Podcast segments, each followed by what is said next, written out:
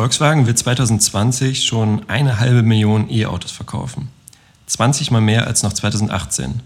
Welche Rohstoffe in E-Autos stecken und warum der E-Auto-Boom zum Problem werden könnte, darüber spreche ich heute mit Michael Rekord.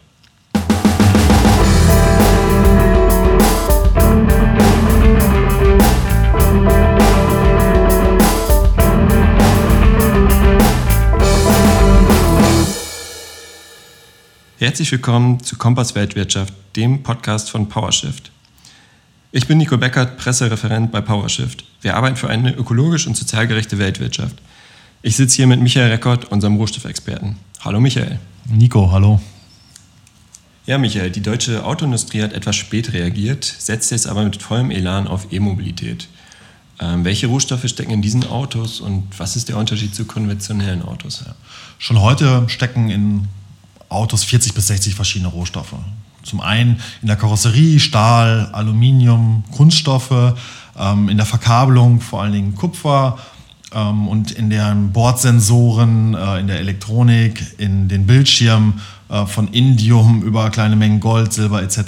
weitere Rohstoffe. Der Unterschied wird sein, dass in Zukunft bei der E-Mobilität die Batterien sozusagen auch stärker metallische Rohstoffe enthalten. Wir ersetzen sozusagen Benzin oder Diesel Entweder durch Batterien, die vor allen Dingen auf Nickel, Kobalt, Lithium und Graphitbasis arbeiten oder ähm, unter Umständen auch auf ähm, Brennstoffzellen, ähm, die stärker Platin enthalten. Ähm, und in welchen Teilen stecken jetzt am meisten Rohstoffe? Wahrscheinlich in der Karosserie, oder? Na, gewichtsmäßig ist es ähm, heute noch die Karosserie, was Metalle angeht. Ähm, in Zukunft wird die Batterie auch ähm, sehr viel äh, Gewicht mit sich äh, bringen. Ähm, E-Autos sind heute ungefähr 200 bis 300 Kilogramm schwerer als vergleichbare äh, fossil angetriebene. Es liegt einfach daran, ähm, ja, dass halt so eine Batterie schnell zwischen 400 Kilogramm bis 700 äh, Kilogramm wiegen kann, je nachdem, welche Reichweite erzielt werden soll und wie schwer das Auto ist. Und welche Probleme treten jetzt bei den einzelnen äh, Rohstoffen auf? Vielleicht kannst du das schildern anhand der einzelnen Autoteile, damit man auch unterscheiden kann zwischen E-Autos und konventionellen Autos. Wir hatten in dem ersten Teil von äh, Kompass Weltwirtschaft ja schon mal Brumadinho in Brasilien erwähnt. Da ist am 25. Januar 2019 ein Rückhaltebecken geborsten, äh, wo sozusagen von einer Eisenerzmine ja die Rückstände gelagert worden sind. Ähm, da sind 270 Menschen ähm, getötet worden oder halt von den Schlammlawinen erfasst und ähm, ja, verschwunden, nicht mehr auffindbar.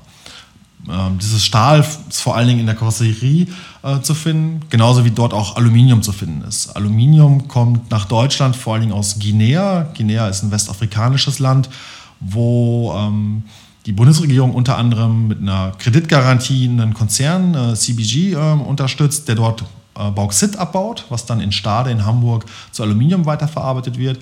Und ähm, im Jahr 2019 haben 530 ähm, Bewohner aus der Umgebung der Mine Klage eingereicht, weil ihre Lebensgrundlage zerstört worden ist, ihr Trinkwasser vergiftet wird, sie von den ständigen Sprengungen, von den Luftemissionen sozusagen beeinträchtigt sind. Das ist so für die großen Teile der Karosserie problematisch. Bei den Batterien ähm, kann man ins Detail schauen. Ähm, Lithium wird noch stark aus Gestein in Australien gewonnen. Da gibt es weniger ökologische und soziale Probleme. In Zukunft geht man aber davon aus, dass es aus Salzseen in Zentral- bzw. in Südamerika gewonnen wird, also in der Grenzregion Argentinien, Chile, Bolivien. Die Region ist sehr trocken, hat äh, diese Salzseen haben ein einmaliges, äh, sind ein einmaliges Biotop, eine einmalige äh, Natur. Und äh, man befürchtet in den eh schon sehr trockenen Regionen sozusagen Wassermangel. Bei Kupfer Kupfer kommt nach Deutschland vor allen Dingen aus Peru und Chile. In Peru sehen wir sehr viele soziale Konflikte um die Nutzung des Trinkwassers. Auch hier wieder so, so, so ähm, ja, ein Konflikt, ähm, der durch den Verbrauch an Wasser ähm, für die Aufarbeitung von Kupfer und für die Gewinnung von Kupfer ähm, ja, zusammenhängt. Ja, du hast jetzt Lithium als einen zentralen Rohstoff der E-Mobilität angesprochen. Häufig hört man ja in den Medien auch das Problem der Kobaltförderung, der Kinderarbeit. Ähm, deswegen will man diesen Rohstoff ja schon ersetzen. Ähm, macht das Sinn oder kommt man dann einfach vom, vom, von einem Problem zum nächsten Problem, dass man mit einem anderen Rohstoff halt ähnliche Probleme hat? Wie sieht das da aus? Ja, wir hören immer wieder aus der Industrie, Tesla hat das angekündigt, aber wir haben es auch schon von deutschen äh, Batterieherstellern bzw. von äh, Unternehmen, die halt äh, in der Lieferkette von Batterieherstellern sind, gehört, dass Kobalt aus der E-Mobilitätsbatterie verschwinden könnte oder verschwinden wird. Ähm, In der Regel ist aber die Hauptargumentation, dass Kobalt sehr teuer ist, also der wertvollste Rohstoff in dieser Batterie oder einer der wertvollsten Rohstoffe.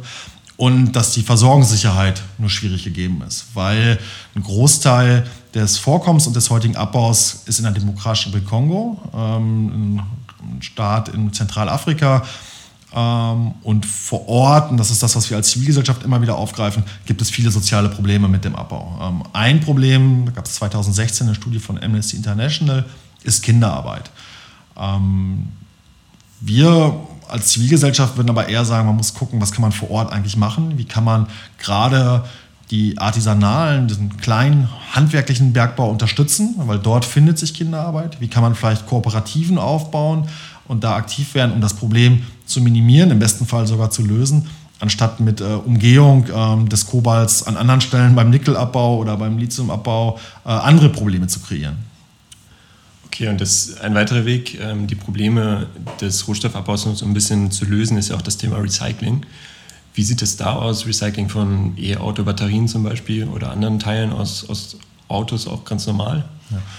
Ja, die Automobilindustrie hat generell relativ hohe ähm, Recyclingquoten äh, und eine, eine, Wiedergewinnung. Das liegt einfach daran, dass Motorenblöcke oder auch Karosserien häufig aus einem Stück sind. Das heißt, ähm, da lohnt es sich und es ist relativ einfach, die, äh, die, die Rohstoffe, die Metalle, die Einzelmetalle wiederzugewinnen. Ein bisschen schwieriger wird es, dass äh, in, in ja, jüngerer Zukunft immer mehr auch mit ähm, ja, verklebt wird und mit anderen äh, Rohstoffen oder mit äh, Kunststoffen verunreinigt wird, was halt die Wiedergewinnung erschwert.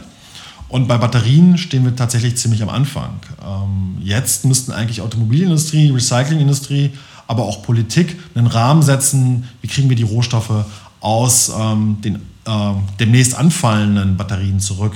Da gibt es erste vorsichtige ähm, ja, Forschungsprojekte und es gibt zumindest von der EU-Kommission Überlegungen, eine Sustainable Batteries äh, Initiative zu starten, also nachhaltige Batterien, wo es auch nach dem Wunsch, nach dem Wunsch von PowerShift darum gehen muss, ähm, woher kommen die Rohstoffe für diese Batterien und ähm, ja, wie werden sie wieder in den Kreislauf eingespeist.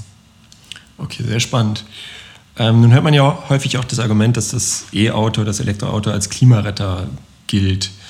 Ähm, was entgegnest du dieser Argumentation? Lass uns jetzt erstmal das Klima retten, das ist wichtiger ähm, und um Menschenrechte und andere Dinge in der Rohstofflieferkette müssen wir uns zwangsläufig dann später kümmern. Ja, das ist schwierig, da diesen Widerspruch äh, aufzugreifen. Zum einen ist ähm, die E-Mobilität sicherlich, ähm, wenn wir uns vorstellen, dass wir in Richtung 100% Erneuerbare gehen, ähm, sowohl bei der Produktion der Batteriezellen, das ist sozusagen das energieintensivste, als auch bei der Nutzung. Ähm, wenn wir da hinkommen zu 100% aus der Erneuerbaren äh, oder, oder nah dran kommen, ähm, dass dann das E-Auto sicherlich besser ist, als ähm, Öl und äh, Diesel oder Benzin und Diesel zu verfahren. Gleichzeitig verbrauchen natürlich auch die Produktion ähm, von, von diesen Autos, von diesen Rohstoffen, ähm, ja, verbrauchen Energie und tragen äh, mit CO2-Emissionen dabei. Und prinzipiell würde ich sagen, dass wir gerade diese Diskussion haben, müsste eigentlich genutzt werden, um stärker über Mobilität zu reden. Das heißt, welche Mobilität brauchen wir? Was ist eine nachhaltige Mobilität? Ähm, wie können wir im Bereich Stadtplanung agieren, wie können wir im Bereich ähm, Transport ähm, agieren, wie kriegen wir wieder mehr Mobilität auf die Schiene, ähm, vielleicht auch ähm, in der Stadt aufs Fahrrad oder auch zu Fuß. Und ähm, ja, das zu nutzen, dass wir gerade an so einer epochalen Weichenstellung stehen, um tatsächlich von diesem Automobil wegzukommen in Richtung einer nachhaltigen Mobilität. Ja, vielen, vielen Dank, Micha. Dann äh, fasse ich nochmal zusammen. Ich glaube, die wichtigsten Argumente waren heute wir brauchen auch viele Rohstoffe für die E-Mobilität, ebenso viel für die äh, konventionelle äh, Mobilität oder die konventionellen Autos. Ähm, du hast angesprochen, wir brauchen eine Rohstoffwende sozusagen. Wir müssen weg von Rohstoffen, wir müssen den Verbrauch senken. Dafür ist es wichtig, dass die Politik einen Rahmen setzt für das Recycling, also Regularien einführt, vielleicht auch Produktstandards, ähm, damit Autobatterien schneller recycelt werden können. Ja, und insgesamt muss man die Rohstoffwende mitdiskutieren über andere Mobilitätskonzepte, über Diskurse, wie man den ÖPNV fördert und ja, andere Sachen auch. Und mehr Infos dazu findet ihr auf power-shift.de.